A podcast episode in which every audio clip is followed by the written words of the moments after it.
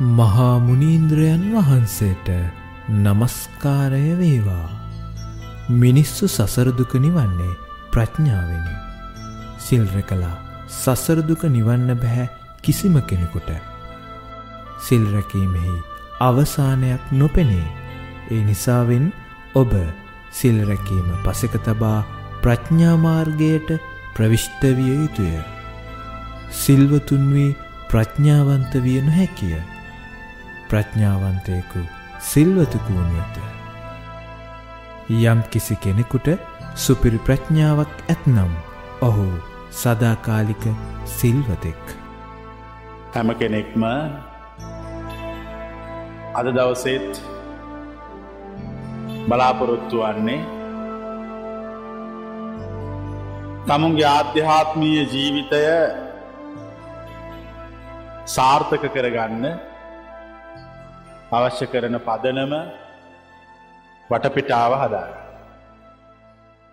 මිනිස්සු හැමදාම ජීවිතයේ වැඩි කාලයක් ආධ්‍යාත්මීය ගවේශණය වෙනුවෙන් වෙන් කරනවා. සිත දියුණු කරන්නේ කොහොමද සසර ඉපදීම නවත්වන්නේ කොහොමද මරණය නැති කරලා දාලා අමරණීය තත්ත්වයට පත්වෙන්නේ මොන විදියටද මෙ මිනිස්සු කතා කොන්න. මේ සඳහා මිනිස්සු විවිධ ක්‍රමෝපායන් අනුගමනයක් කරනවා. හැබැ අපට ප්‍රශ්නයක් තියෙනවා. මේ සඳහා අපි අනුගමනය කරන සියලු ක්‍රමෝපායන් සියලු ක්‍රම තුළින් ඇත්තට මේක සිද්ධ වෙනවාද නැත්තං අපේ හිත තාවකාලිකව සතුටු කරගන්නවා කිය. මෝතකට කල්පනා කරල බලන්න. බොහෝ දෙනෙක් ආධ්‍යාත්මීය ජීවිතය සාර්ථක කර ගැනීම සඳහා අනුගමනය කරන ක්‍රමෝපායන් හරිද වැරදිද. ඇත්තටම මරණය නැතිවෙනවා. ඇත්තට මමරණීය වෙනවා. එහෙම නැත්තං අපි අපේ හිත සතුටු කරගන්න යොදාගන්න තාවකාලික බොරු ක්‍රමද මෙන මේ ප්‍රශ්නය අපි හැමටම තේරවා. මිනිස්සු ජීවිතේ මම දැකල තියෙන්නේ බොහෝ කාලයක් තිස්සේ එක එක බොරු දේවල් කරමින් තමුන්ගේ වටිනා කාලය යම් යම් අනවශ්‍ය දේවල් වලට වැෑකොන්න. මිනිසු හරි මෝඩයි. ඔවුන්ට ඔවුන්ගේ වටිනා මනුස්ස ජීවිතය කර තේරුමක් නැහැ. මනුෂාත්ම භාවයක් මනුස්සෙකුට ලැබෙන්නේ ඉතාම කලාතුරකි. ලෝකෙට හැමදාම බුදුවරු මුනිවරු රහතුන් මෙඇත්තු පහළ වෙනවා. පහළවෙල ඒගොල්ල මුලින් සත්‍යාබෝධයට පත්වෙනවා. ඒගොල සත්‍යාබෝධයට පත්වල ඉවර වෙල කියනවා මෙන්න මේකයි සත්‍යාබෝධයට පත්වෙන මාර්ගය කියලා. ඒ මාර්ගයට පින් කළ ඇත්තෝ ඒ මාර්ගය තේරුම් ගන්න. තේරුම් අරගෙන ඒගොල්ලෝ අර අධ්‍යාත්මය ජීවිතයේ උපරි තත්ත්වයට පත්වෙනවා. ජීවිතය පරිපූර්ණත්වයට පත්වෙනවා. උපරි තත්ත්වයට පත්වෙනවා. මේ හැමෝම මෙතන වාඩිවෙල ඉන්න ජීවිතය යන්න පුළුවන් උපරිමයට යන්න උමනාව නිසා. ජීවිතය උපරිමයට යන්න ඇති උමනාව නිසා. ජීවිතය උපරිමයට ගහාම එතන පවතින සුපිරි ඥානවන්ත භාවයක්. එතන වෙන කිසිවක් නැහැ. ඒ සුපිරි ඥානවන්ත භාවය මනුස්සේගේ සසර ගමන අවසං කරනවා. මරණය අවසං කරනවා. අමරණීයත්වයට පත් කරනවා. ඒක තම අවබෝධය කිය. ප්‍රශ්නය තියෙන්නේ සුපිරි ඥානවන්ත භාවයට යන මාර්ගය මොන වගේද. ඒ සුපිරි ඥානවන්ත භාවයට පත්වන අය මොන වගේද. ඒක අපි නිවැරදිව තේරුම් ගන්න කොහොමද. ඔය ගැටලුව තමයි බොහෝදනෙකුට තියෙන්නේ. ඔය ගැටලුවට අපිට එක පාර විසඳුන් දෙන්න බැහැ. අපි කොච්චරොය ප්‍රශ්නයට විසඳුන් දෙන්න ගියත් අවසානයේ විසඳුම භාරගන්නේ පාරමීපුරකු කුසල් කරපු අය විතරයි. වෙන කවුරුවත්තේ විසඳම භාරගන්නේ. ඒ සසර ගමන අවසන් කරන්නෙත් අමා නිවනට පත්වෙන්නෙත් ඒට සුදුසුකම් ලද්දෝ පමණයි. දැන් හැමෝම නිවන් දකින්න කැමති. හැම පින්කමක් ඉවර වෙලා කියන්නේ මොකක්ද. නිවන්සප ලැබේවා කිය. මහා සාධනාදකුත් පවත්වනවා. එහුණට එක් එක්කත් නිවන් දකින්නේ. ඔන්නොතන තියෙන ප්‍රශ්නය මහා සාධනාදයක් පවත්වනවා. ඒත් නිවන් දකින්නේ. නිවන් දකින්න බැහැ මාර්ගයක් නැතු. ධර්මයෙන් නිවන් දකින අය ලෝකෙ නැහැ. මාර්ගයෙන් නිවන් දකින අය ඉන්නේ. ලෝකෙ ධර්මය හැමදාම පවතින. යුක්තිය සාධාරණය පොත්පත්වල තියෙන ලියවිලි එව ලෝක හැමදාම පවතිනවා. නිවන් දකින්නේ ලෝකෙ මාර්ගය පහළුනයින් පස්ස. දැ ප්‍රශ්නයක් තියෙනවා මොකක්දේ මාර්ගය. ඒ මාර්ගය තමයි ප්‍රතිවිරුද්ධ චින්තන මාර්ගය. පටිසෝතගාමී ආර්ය මාර්ගය. පටිසෝතගාමී ආර්ය මාර්ගයේ ලෝක පහළව. දැන් පටිසෝතගාමී ආර්ය මාර්ගය පහළ වෙලාතිය.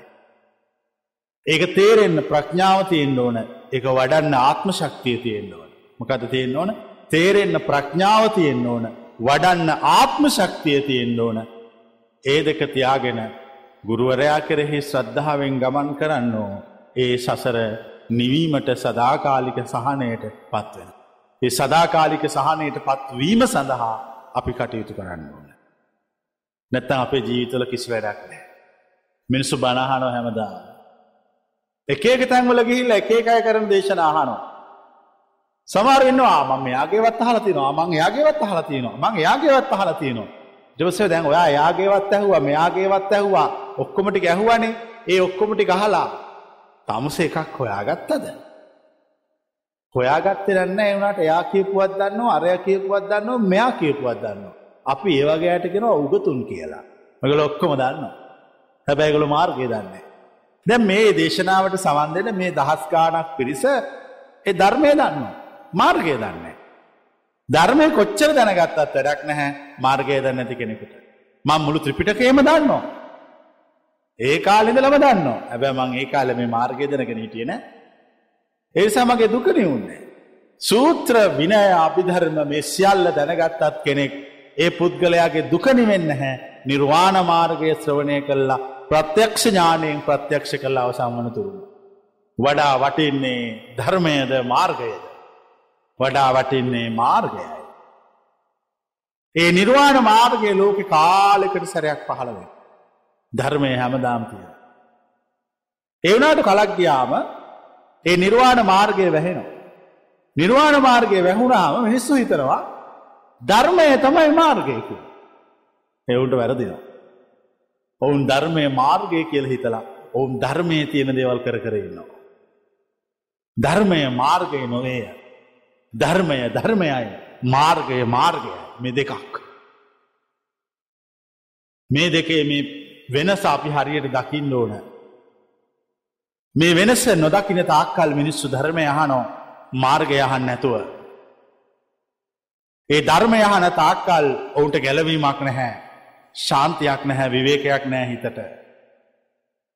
සැබෑවටම විවේකය ලැබෙන්නේ මාර්ගය යහුවෝ. ධර්මය කොච්චර දරාගත්තත් ධර්මය කොච්චර දැනගත්තත් ඔවුන්ට ජීවිතය ගැලවීමක් කම්වෙන්නේ. මං ඔබලට කැනෙ මාර්ගය හන්න කියලා. ද මේ ඉන්න බොහෝ දෙනෙක් වාක් දුරගෙවාගෙනාව මං අහන්න යාව මෙහි ධර්මය ශ්‍රවණය කරන්නද මාර්ග ශ්‍රවණය කරන්න. මාර්ග ශ්‍රවණය කරන්න එන්න ඕන. මොකක්ද මාර්ගය. ලෝකෙ ඈත කාලෙදලම බුදුවරු දේශරා කොන මාර්ගයක් තියෙනවා.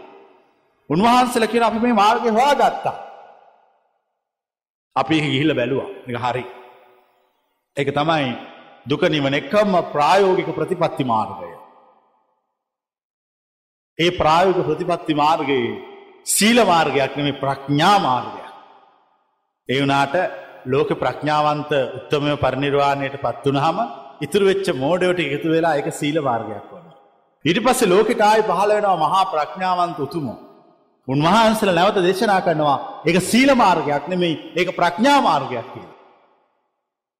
එතර උන්වහන්සලට මුලදි බයිනෝ මැල්ල පස්ස කියනවා උන්වහන්සල කියපු දේ හරි කියලා.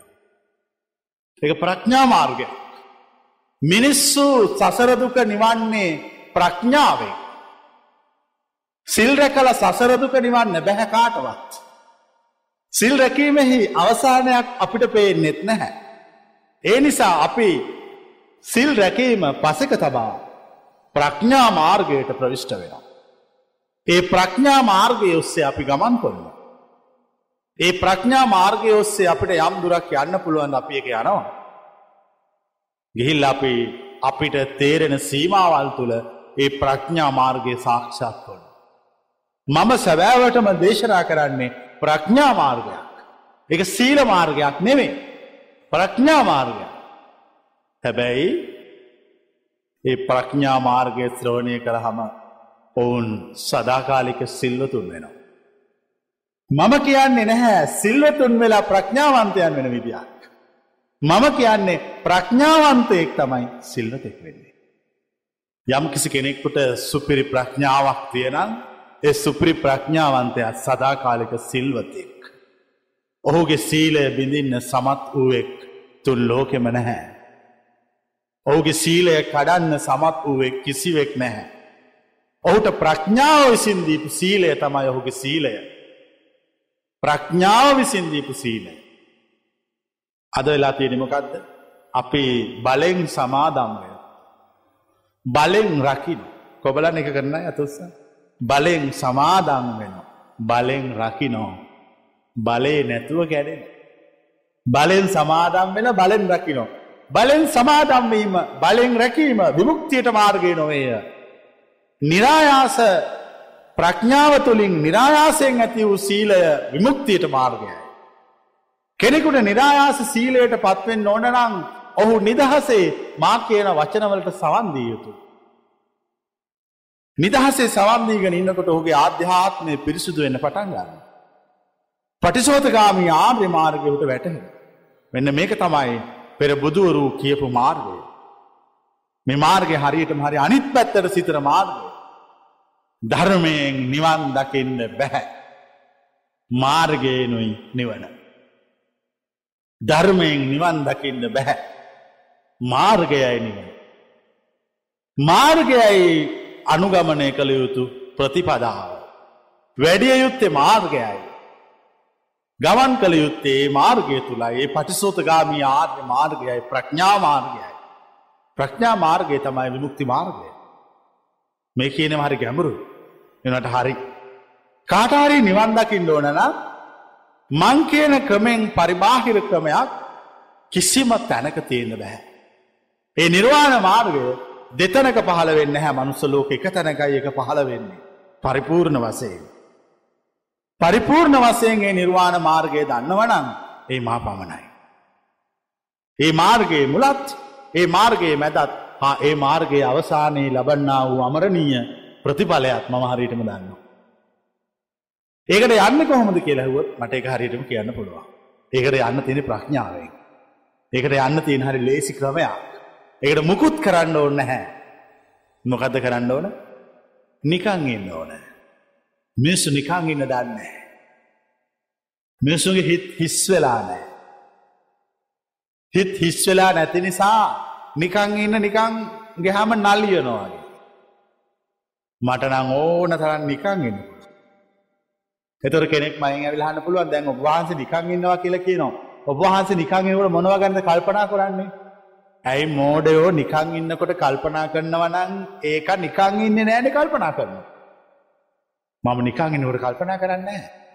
ඔබ වහන්සේ නිකන් ඉන්නකොට අතපය හොල්ලනවද? යමෙක් අතපය සොලවනවා නම් ඔහු නිකන් ඉන්නේ නැහැ.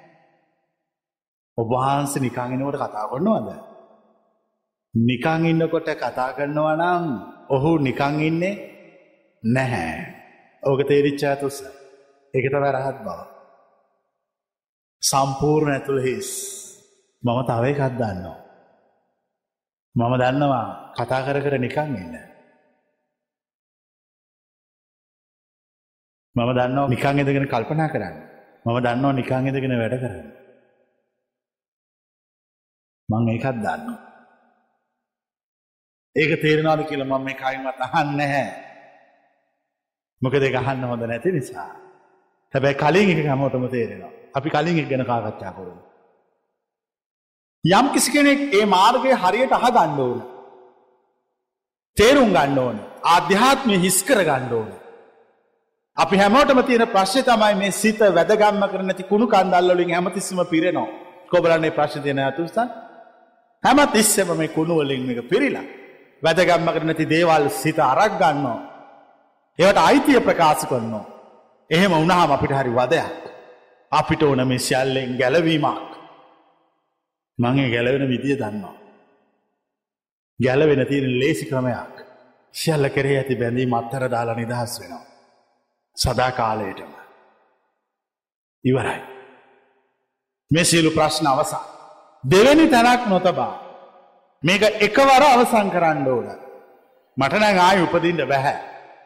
කොබලන්න මගේ අද අදහසත් එක වෙන අය ආයනං උපදින්න අපිට බැහැ. මමනං ආය උපදින්නේ නැහැ. දැඟත ොබල මගේ ප්‍රශ්න කරන්න ඕන බහන්ස දේශනා කරන ඔබහන්ස උපදින්න නෑ කියලා. මම කැමති එහෙම වෙන්න. දැම් මට එකට පාර කියන්න. ඔය ඔය ගියපු පාර අපිට කියන්න.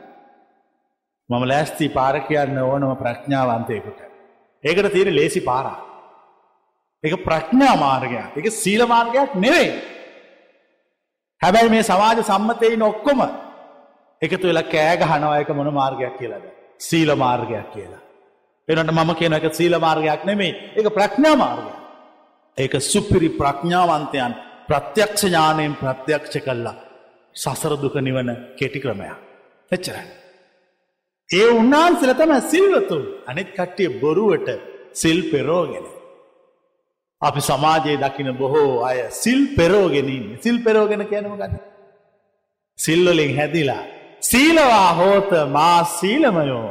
සිල්වත් වෙන්න හැබැයි සිල්වලින් හැතිච්ච මිනිහෙක් වෙන්න එපා එයයි බුද්ධ වචනය.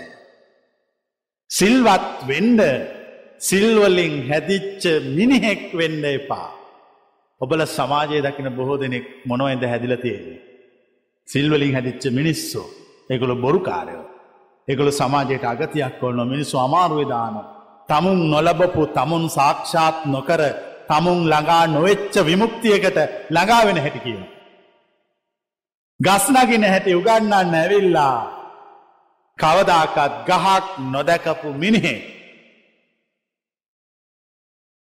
ගොයන් කැපුමකට දෑකැති සොලොවති කුඹුරක් අත නොගැටුන දරුවෝ. කලගෙඩි නැටුමට කලගෙඩි සොලවති නලවතුරෙන් සැනසෙන දරුවෝ. ඉළඟමකක්ද. රහතුන් ගැන බොරු බේගල් පවසති රහතුන් දැක නැති බිංකුන්ඩෝ. ඒගල හරි අමුතු.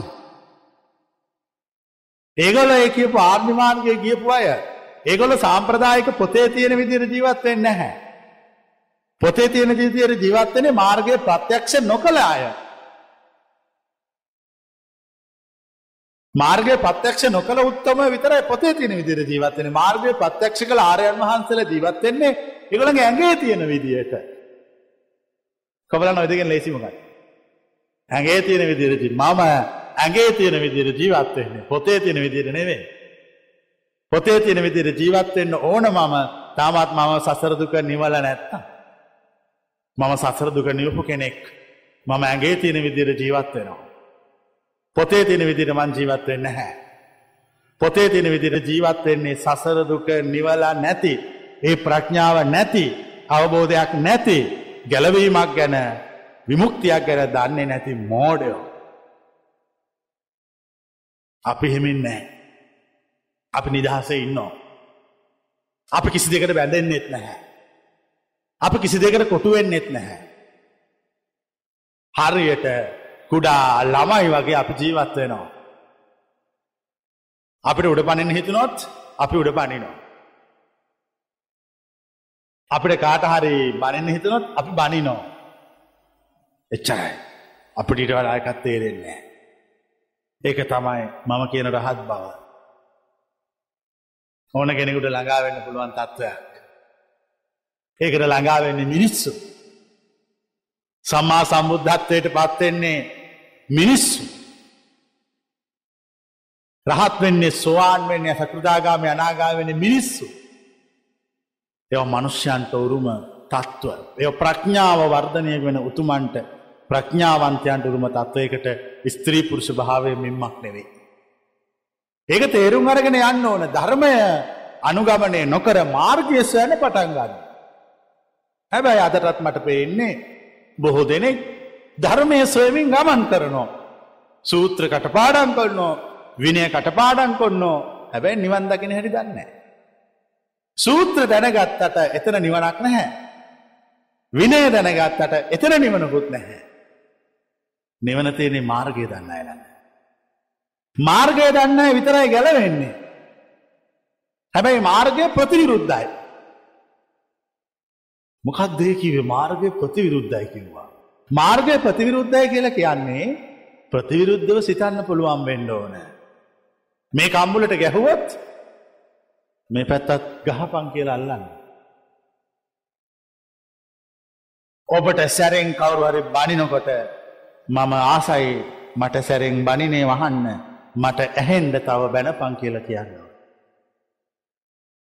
ඔබට කවුරු හරි පහර දෙනකොට මම කැමති පහර කෑමට ලක්වෙන්න ගාපු යව් මට කියලා කියන්න ඕන. එනට මෙතෙක් කල් ජීවිතය ඔබ කිව්වේ ඕක අනි පැත්.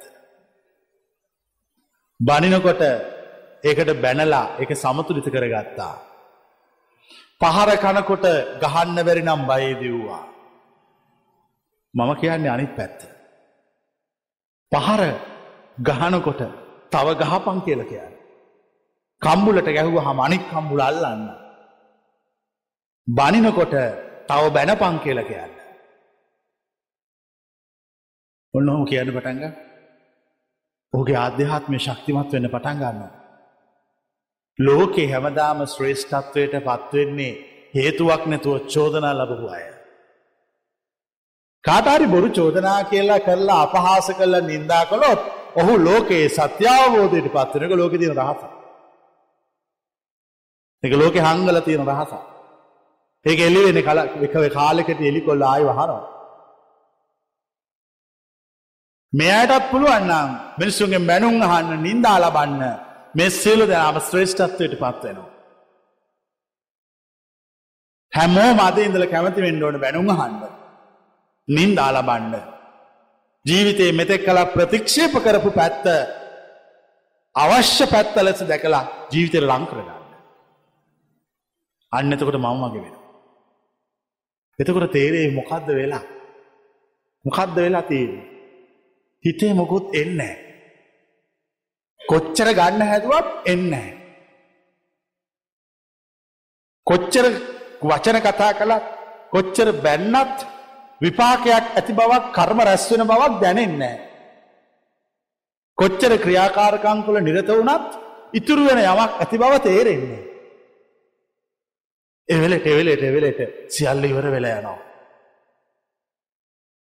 ඒ කියන්නේ ස්වබාදහමට බැහැලා ඉවරයි.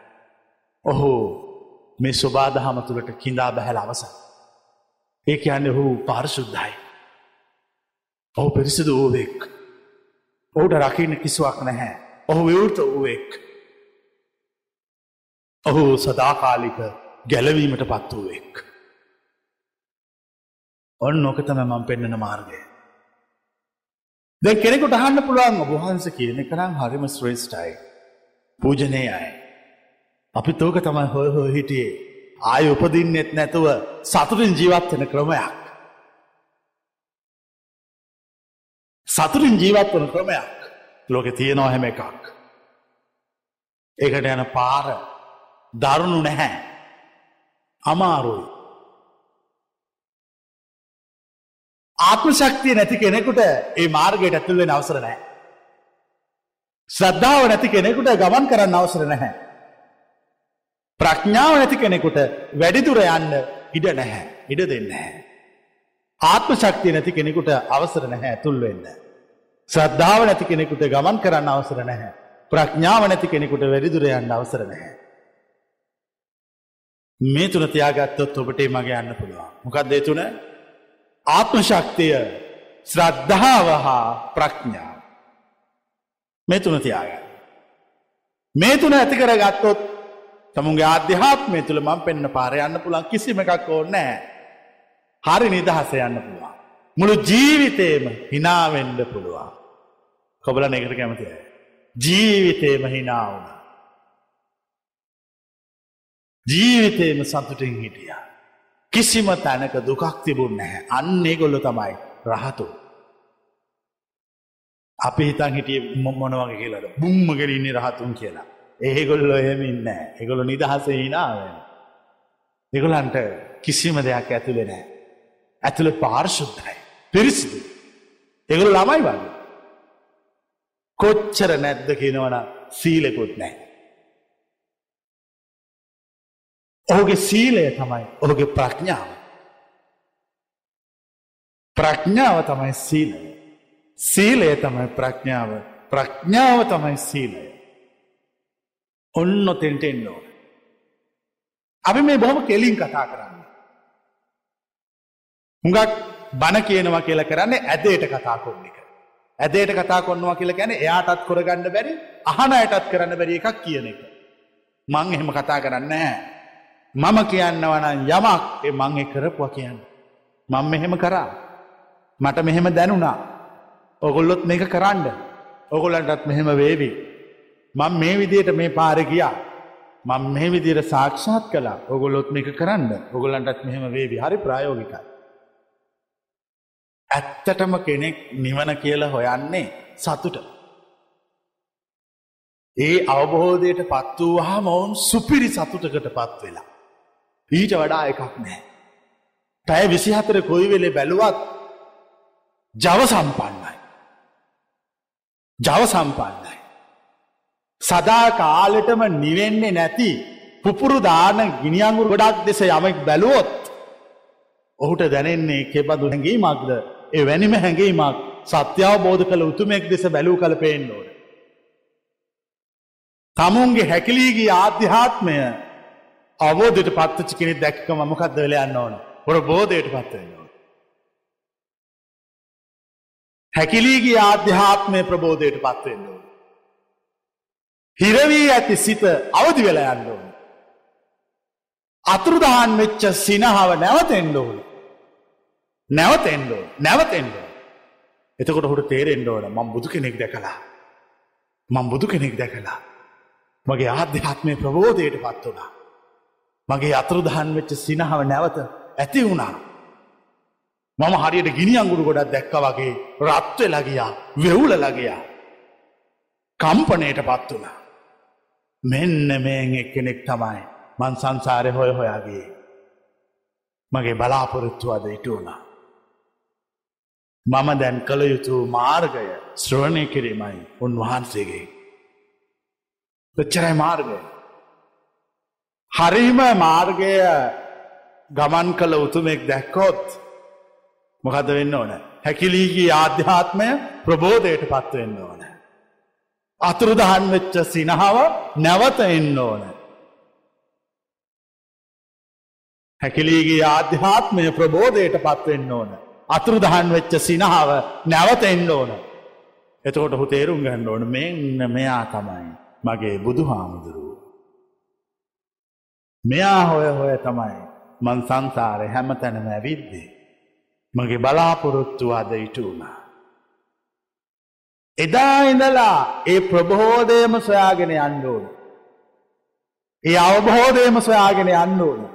ගිහිල්ල උන්වහන්සේ වගේ වෙන්න ඕන ඉවරයි. ඕනම කෙනෙකුට අවබෝධයට පත්වෙන්න පුළුවන්. හැබැයි හරියට මාර්ගය ගමන් කරන්න ඕන. මාර්ග හරි අමුතුයි. ඒක හරි නිදහස්. නිවහල් ස්වාධීනයි ස්වයිරී තේජාන්විතයි. හරි බලවත්. කම්පා කළ නොහැකි. කිසිවෙකුට හා කිසි කෙනෙකුට එක හොල්ලන්න බැරි එකක්. අන්න එකට එන්න ඕන. ඒවනාට මිනිස්සුන්ගේ හිත් දුරුවලයි. දුරුවල අධ්‍යාත්ම තියෙන මිනිස්සුවේ උත්තරීතර තත්ත්වයට සිද්ගේ නැහැ. දේශනා වහනෝ. කාලයගොල්ල තාවකාලික සැනසීමකට පත්වෙනවා. ඒක හරියට ඔල්ලුව එකැක්කුමට මොහක් කරනවාද. මිනිස්සු කණ්ඩායමක් මනුස්සලෝක ජීවත් වනා ඔවුන්ට මාසිකට සැරයක් ඔල්ලු එකැක්කුම හැදුනා. ඔවුන් කළේ හැම පුරහඳ තියෙන දවසෙම ගිහිල්ල පැනඩෝල් බීල ආවා. ඔවුන්ට පැනඩෝල් දෙන මෝඩ දොස්තර කෙනෙකුත් හිටිය. ඔවුන් කිසිවෙක් ඒ හිසේ කැක්කුම සදාකාලටම සූපත් කරන ක්‍රමයක් ගැන කල්පනා කළේ නැහැ. මක් නිසාද මෝඩ දොස්තර ඉන්න නිසා.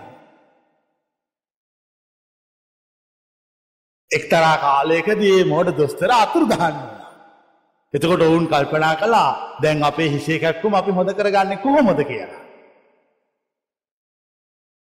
ඔවුන් පශ්චත්තාප වුණ. සමාරු හඬා වැටුණා කොටසක් සුගතිගාමි වුණා ඉතුරු කොටස අපාගත වුණා. නිවන් දැක්කෙ නෑ කවුරුවත්. ඕක අනාගතය කියන කතාවක්. මම කියන්නේ මෝඩ දොස්තරකින් පැනඩෝල් බොන්න එපා කියලා. මේ සසරදුක ඉවර කරන්න කියලා. මේක නිමාවට පත් කරන්න කියලා.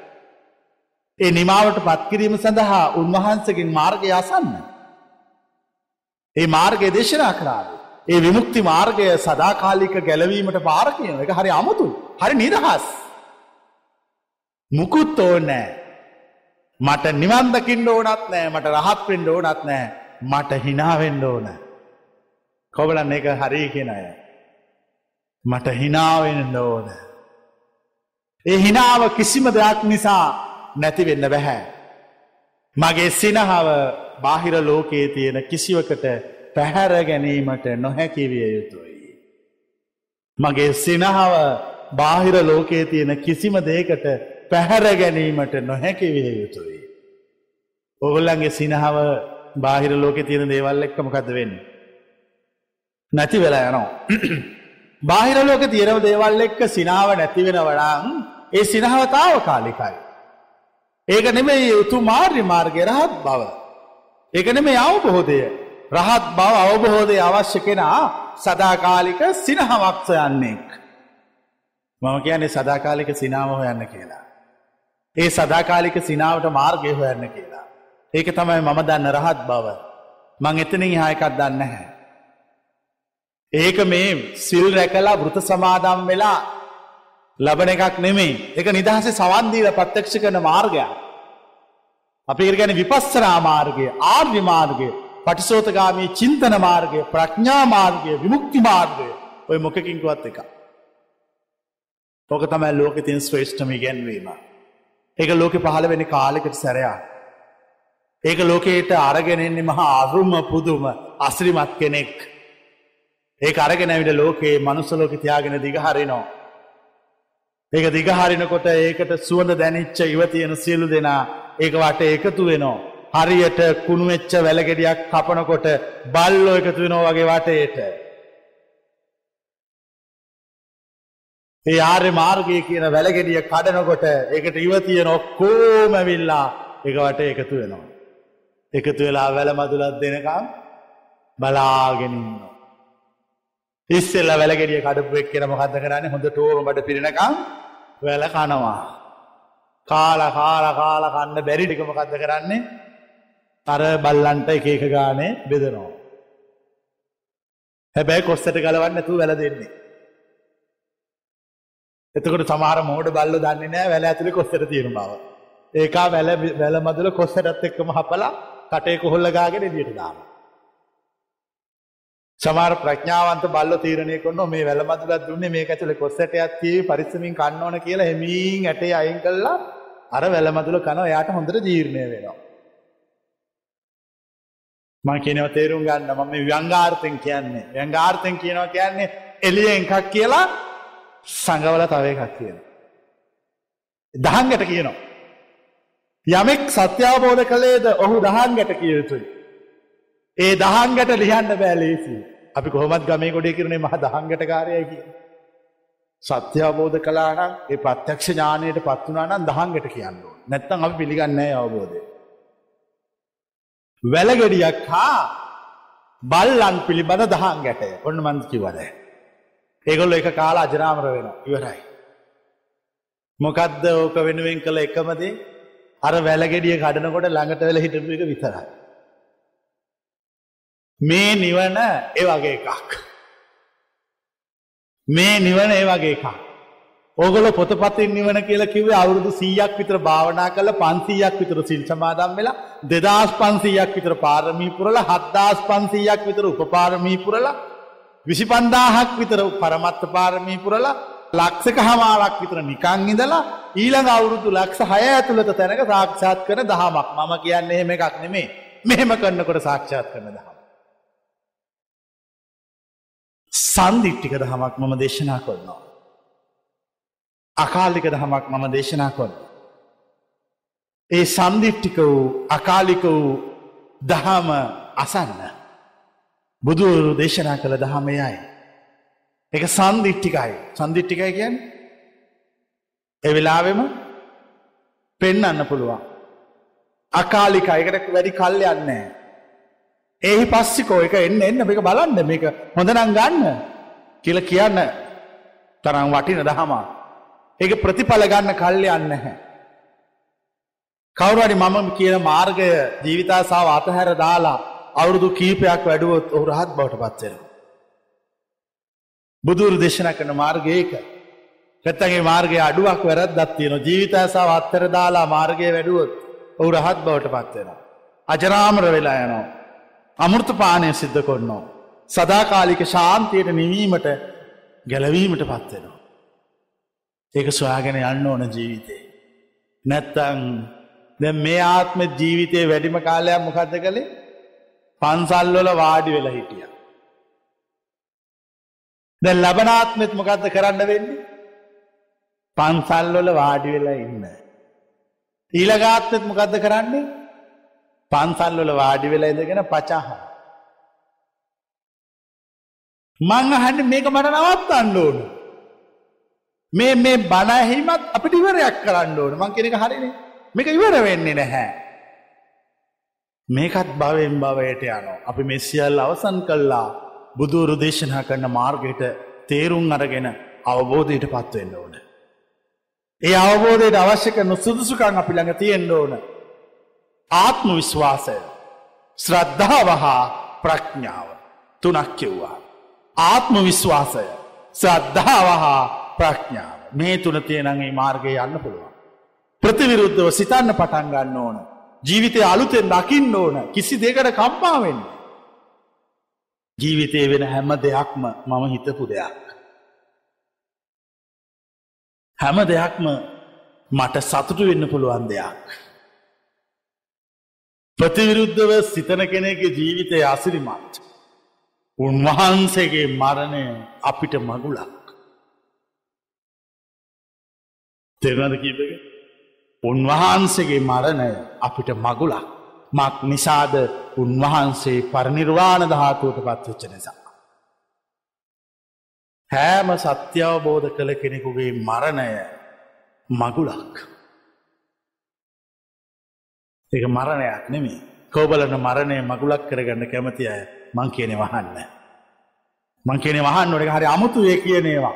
ලෝකයේ කෙනෙක් අවබෝධයට පත්වනාන රහත්තුනාන බුද්ධත්වයට මේ කුමන හෝ තත්වයකට පත්වනානම් එයා හැමදාමකුව පොත්තුල නැතිේවා. පොත්තුල තියෙනේවා කියන්නේ උගතුන්. ඒගොල් ඒවා ඉගරගෙන කටපාඩන් කරගෙන මිනිස්සුන්ට එල කියෝනෝ ඒ වැඩක් හැ එක ජීවත්වෙන ක්‍රමයක්. අවබෝධයට පත්වෙච්චා පොත් කියවන්න නිකං කියෝ කියෝ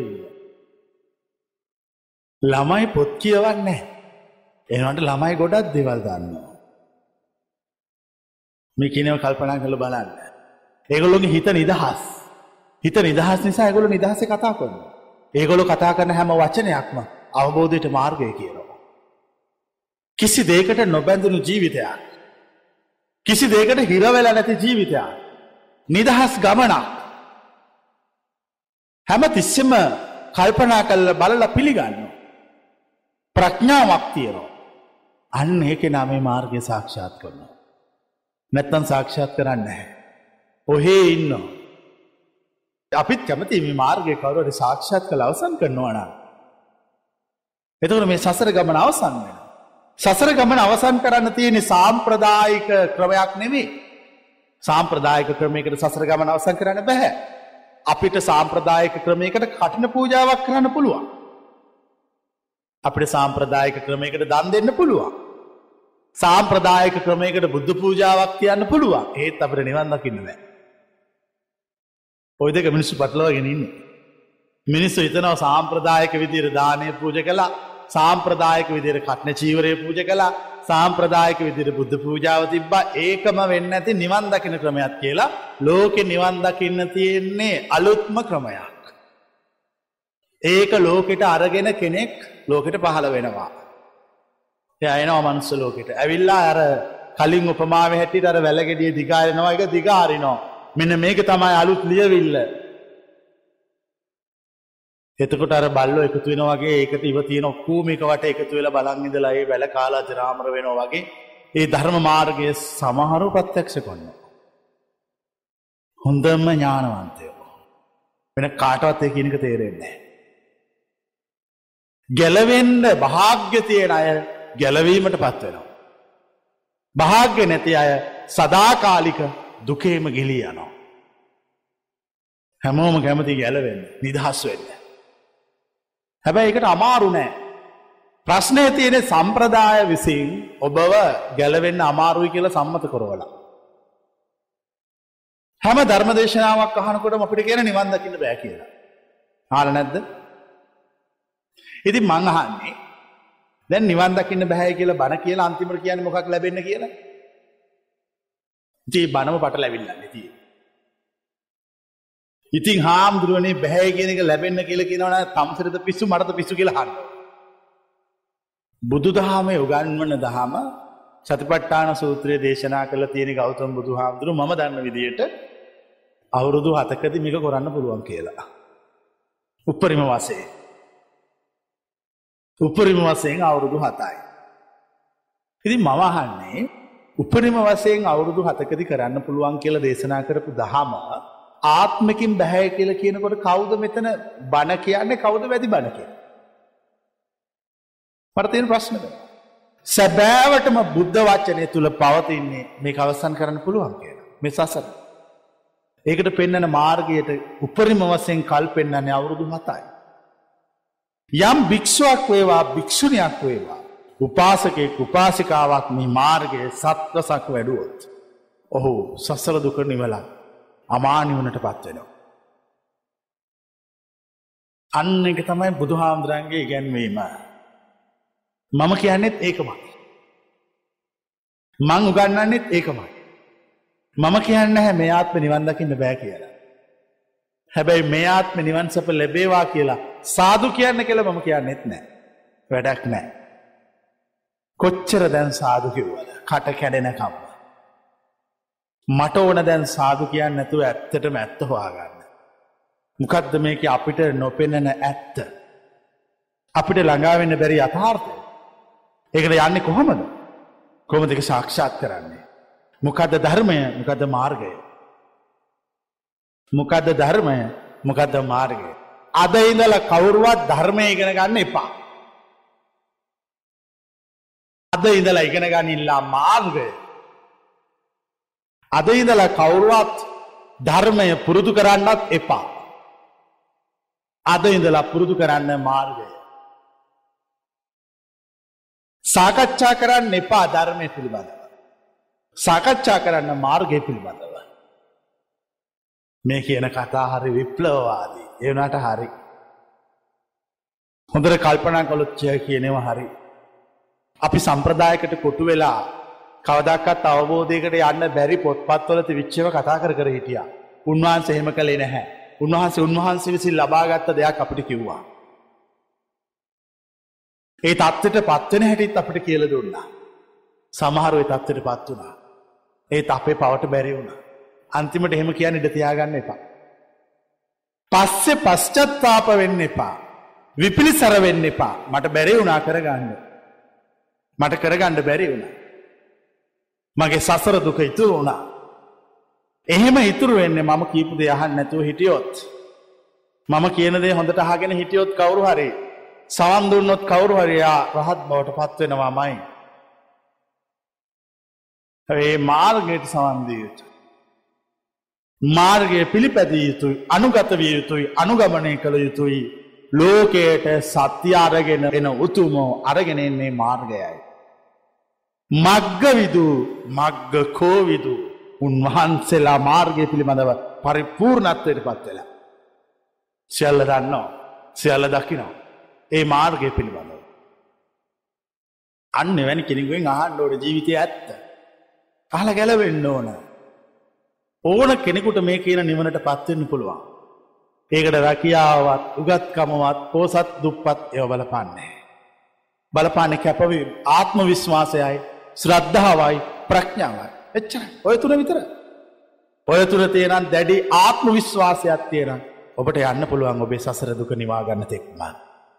මම පෙන්නුම් කරන මාර්ගයට එකතු වන්න. මම අනාගතයේ දකින නිවනක් දේශනා කරන්න නැහැ. මම දේශනා කරන්නේ අද දැන් නිවන් දකින්න. මම අනාගතයේ මරණින් පස්ස නිවන් දකින හැටි උගන්නන්නේ නෑ. මොකද මට විශ්වාස නැහැ මරණින් පස්ස නිවනක් ඇති බව. මට ඕන ජීවත්තල ඉන්නකොට ලැබෙන නිවනක්. මරණයෙන් පස්ස නිවන්ද කළ වැඩක් නෑ. ජීවත්තල ඉන්නකොට මනුස්සෙක් වසයෙන් උපරීම තෘප්තියට සන්තෝෂයට පත්වය යුතුයි. අන්න එක තම මන්දන්න මාර්ගය. කවරුවරි කෙනෙක් ඒ මාර්ගය හරියට ඇහුවොත් එයා ඒ තත්වට පත්වෙනවා.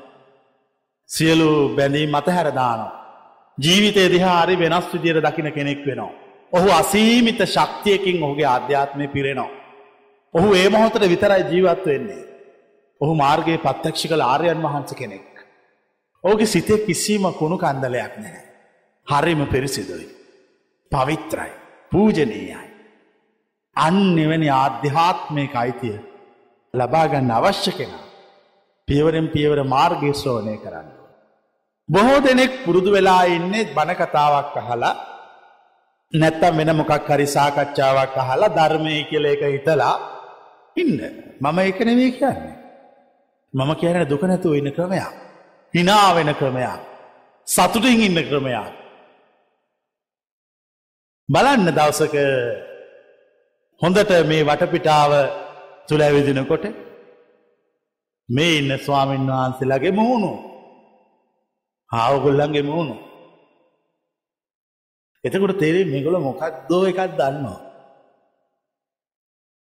අපිත් එක්ක බැලුවාම මෙගොලු හරි සතුටින් සිටිනවා අපිට තාම එහෙම වෙන්න බැරි වුණා. අපේ මොකක්ද අඩුවක් තියෙනවා. මේ අඩු අපි හදාගන්න ඕන. අපිත් ඒවගේ සතුරට පත්වෙන්න ඕන. සතුටහි උපරිමයට පත්වෙන්න ඕන. මිනිස්සු සතුටු වෙනවා තාවකාලික. එහෙම වැඩන්නේ. මට මම බලාපොරොත්තු වෙන මම හිතන්නේ සතුටේ උපරිමයට පත්වෙන්න ඕන. එක තමයි නිබ්බාන. නිබ්බාන පරමං සුකං. උපරිම සතුරට පත්වෙන එක තමයි නිබ්බාන. පරම සැපත එකම සතුට. උපරිම සතුට අන්න එතෙන්ට යන්න නැත්තම් වැඩන්නෑ මේ ජීවිතය. ජීවිතය උපරිම සතුරට පත් කරගන්න කැමති වෙන කෙනා ධර්මය නොයසිය යුතුයි මාර්ගය ශ්‍රවණය කළ යුතුයි. ඒ උතු මාර්ය මාර්ගය ශ්‍රවණය කරන සියල්ලෝම ජීවිතයේ උපරිම සතුරට උපරිම තෘප්තියට වින්දනයට පත්වෙන. ඔවුන් සදාකාලික සහනයට සුවයට ගැලවීමට හා ශාන්තියට පත්වෙනවා. ඔවුන්ට ගැලවීම සඳහා ඔවුන් මාර්ගය ඇසිය යුතුයි. කොච්චර ධර්මය දැනගත්ත කෙනෙක් වුණත් අපාගත වෙන්න පුළුවන්. කොච්චර ධර්මය දැනගත්ත කෙනෙක් වුණත් සතරපායන්නත් පුළුවන්. හැබැයි මාර්ගය දන්නෝ සතරපායට යන්නේ. ඔවුන් යම් හේතුවක් නිසා නිවන් මඟ ප්‍රත්‍යක්ෂ නොකොළොත් ඔවුන් දිවිලෝකොල මනුෂ්‍යලෝකොල විතරක් පහළ වෙන. පනිවිඩ ඔවුන් දන්න එතම නිර්වාණ මාර්ගය. මේ දහම කවුරුවරි කෙනෙක් දිගට අහල අහගෙන ඉඳලා නිවන්දකින්ට බැරිවුණොත් කොහෙද යන්නේ. දෙව්ලෝ පහළ වෙන. දෙව්ලෝ පහළ. පිංකලාට දෙව්ලෝ පහළ වෙනවා කියලා සියයට සීයක් බුද්ධාගම නෑ. ධර්මාසෝක රජ්ජුරුව වෙහෙර ව්‍යා රසුවාරදාහක් හැදෙව්වා. මහා පින්කං කලා එවුනට අපාගත වුණා. පින්කම් කළ පමණින් දෙව්ලෝ පහළවීමක් බුද්ධාගමේ නෑ. පව්කම් කළ පමණින් අපාගතවීමකුත් බුද්ධාගමේ නෑ. පින්කලෝ දෙව්ලොව යනවා පව්කොලෝ අපාගත වෙන. හැබැයි එය කර්මාණු රූපෝ මෙවා අවස්ථානුකුලෝ වෙනස් වෙන්න පුළුවන්. ඊට වඩා බලවත් ඊට වඩා ශක්තිමත් කෙනෙක් මා දේශනා කරන මේ නිර්වාණ මාර්ගය අසාගෙන හිටියොත් ඔහු නිවන් දකින. නිවන් දකින්න පාරමී මද වෙලා තිබුණොත් ඔහු එස්සියල් අහගෙන අහගෙන ඉවර වෙලා දිවි ලෝකය පහළ වෙන. ඉන් අනතුරුව මනුස්ස ලෝක බුදු කෙනෙක් පහළ වෙනකොට නැවත ඔවුන් නැවිල්ලා ඒ මාර්ගය අහලා අවසන් කරලා ඉවර කල්ල දානවා. දැන් තෝරගන්න මොකක්ද. බණකතා ආහා ඉන්නවද මම කියන මාර්ගය අහලා එක්කො නිවන් දකිනෝ නැත්තන් දිවිය ලෝක යනවා. දිවිය ලෝක යනවා කියන එක හරියටම හරි. එක වරදින්නේ. මොකද මේ මාර්ගය පුරුදු කළ හිතහයිය කෙනෙකුට අපායට දාන්න බෑ යමරජ්ජුරු බයයි. යමයා වෙවුලනෝ එනකොට. සතර අපායෙන් කියෙන අපෝ මේ ගොළු බාරගන්න බෑ කියලා එයා ළඟද හිටි එහෙනම් ගන්න බෑ කියනවා. යවන්න පුළුවන් හොඳම තැන මනුස්ස ලෝකෙ බැරිනම් දීවිය ලෝකෙ. ඒගොල්ලො ඒ මොනලෝක පහල වනත් ඒගොලො හිතන්න වෙනස් විදියට. චින්තනය හරි අමුතු. එනිසා ඒගොලො දියුණු වෙනවා. වෙනස්න අමුතුන අන්කොමන්නේ වෙනස් විදිර කල්පනා කොන වෙනස් විදිර ඉතනෝ සාම්ප්‍රදායකනය කොතනකවත්. ඒ නිසා මොන කරන්නෙමකක්ද කරනොක්කොම හරිගන්න. අවසානය ඒගොලො සත්‍යාව බොධ කොන්නවා. අවසානය ඒගොලු සත්‍යාව බෝධ කොන්නවා. එක තම රහස. එනිසා අපි කරන්න ඕන මේ ආර්ය මාර්ගයේ ශ්‍රවණය කරන්න ඕන මේකම වඩන්න ඕන.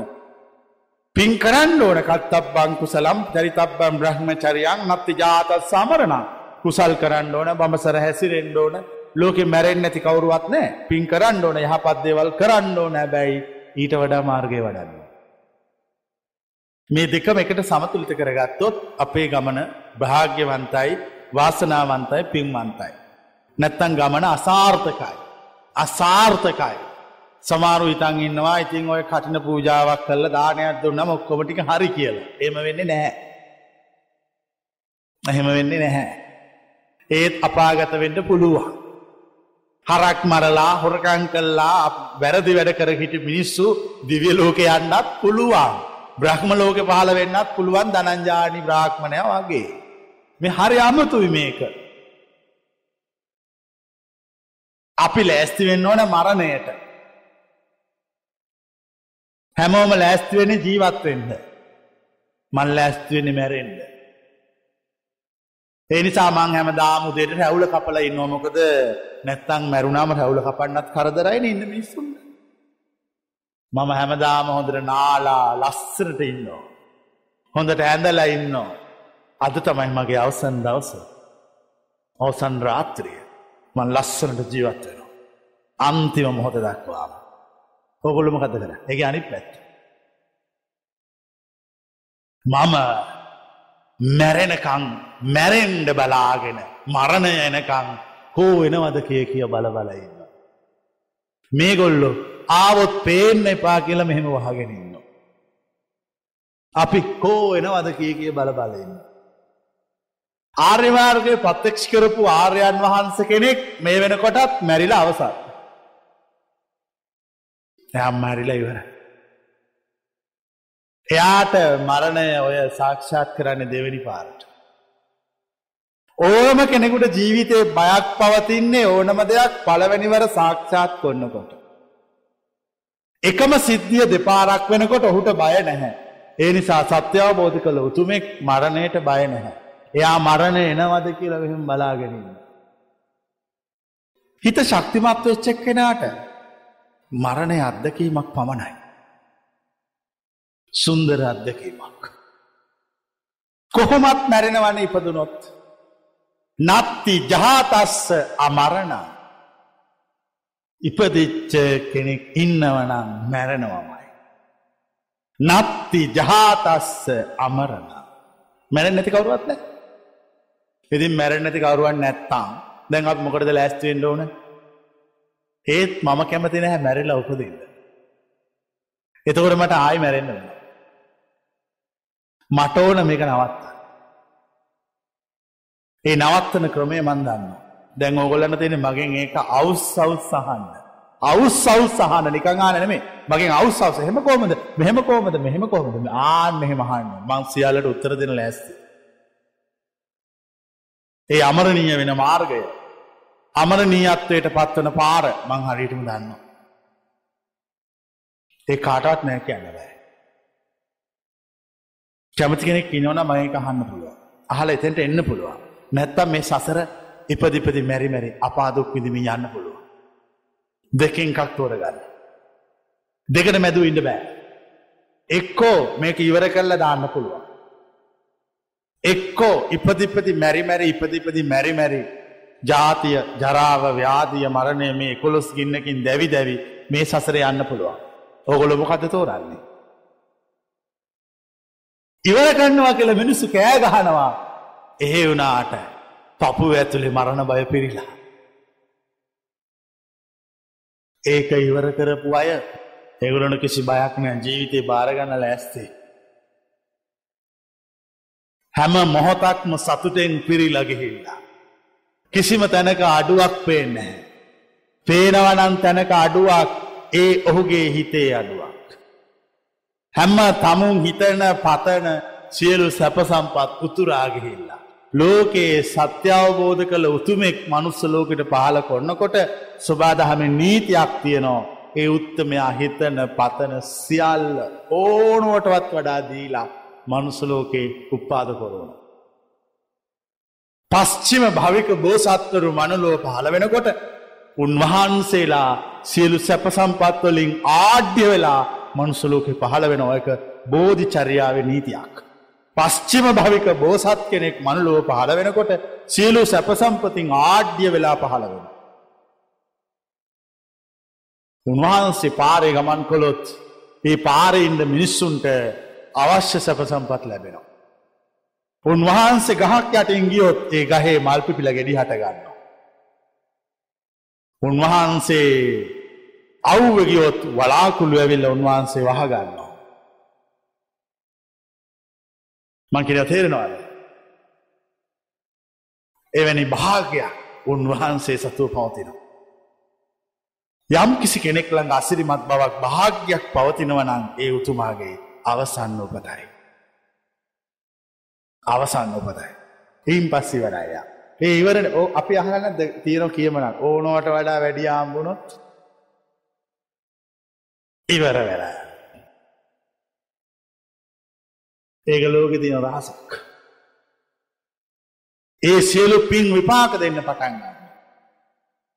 හොඳට මතක තියාගන්න ලෝකෙට සත්‍යාරගෙනෙන්නේ ආසිරිමත් අමුතුව කෙනෙක්. එයා ඇවිල් අය සත්‍ය ලෝකෙට දිගහරින.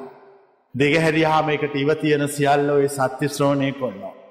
මිනිස්සු හැමදාම ධර්මය කියලා පොත්පත්වල තියෙනව කියව කියව කටපාඩන් කර කර ජාතක පොත් කියව කියව අරමය මහා පොත් අනේ මන්දන්නෑ මෙ මොනවට ලියල තියෙනවද කියලා මේ මේ බුද්ධාගමේ ත්‍රිපිටකේ නම් ඇත්තෙත් නෑ කතා කිය කියා කාලනාත. මේ කතා හුවයි කියල නිවන් දකින්න නෑ කවුරුවත්. සැබෑවට ධර්මය ඇහුව කියලා නිවන් දකින්න ධර්මය හොඳයි තමන්ගේ ලොකුකං දැනවගත්කම් පෙන්න්න. මාර්ගය නිවන් දකින්න. මං කෙනෙක පැහැදිලිද මාර්ගයේ නිවන් දකින්න ධර්මය තමන්ගේ ලොකු ගම පෙන්න්න. මං මේ වදන්නවා මං සූත්‍ර දන්නවා මං විනිය දන්නවා මං අපි ධර්ම දන්නවා මං දීගනිකාය මජ්‍යමනිකයි සංයුත්තනික අන්ත්‍රනිකාය කුද්ධකනිකාය මෙ සියල්ල දන්නවා එව්වා නිවනට වැඩක් නැහැ. මං කියන ප්‍රතිවිරුද්ධ චින්තන මාර්ගයේ තේරෙනවන අර අමුතු විදියට හිතන්න පුළුවන් මිනිස්සු අපි වට එකතු වෙන්න ඕන. එකු ලෝක සත්‍ය සොයන. ගැලවීම නිදහස විවේකය අවබෝධය සොයන. අන්නේ අවබෝධය අපි හොයාගෙන අන්ඩෝන. නැත්තන් ජීවිතේ කිසිමෙලියක් නෑ. මීට පස්සෙ කිසි දවසක ධර්මය නං හොයන්න එපා. මාර්ගයම සොය පල්ලා. මීට පස්සෙ කිසි දවසක ඇලීමක් සොයන්න එපා ගැලවීමක්ම සොයපල්ලා. මීට පස්සෙ කිසි දවසක සසරක් හොයන්න එපා නිවනම සොයපල්ලා.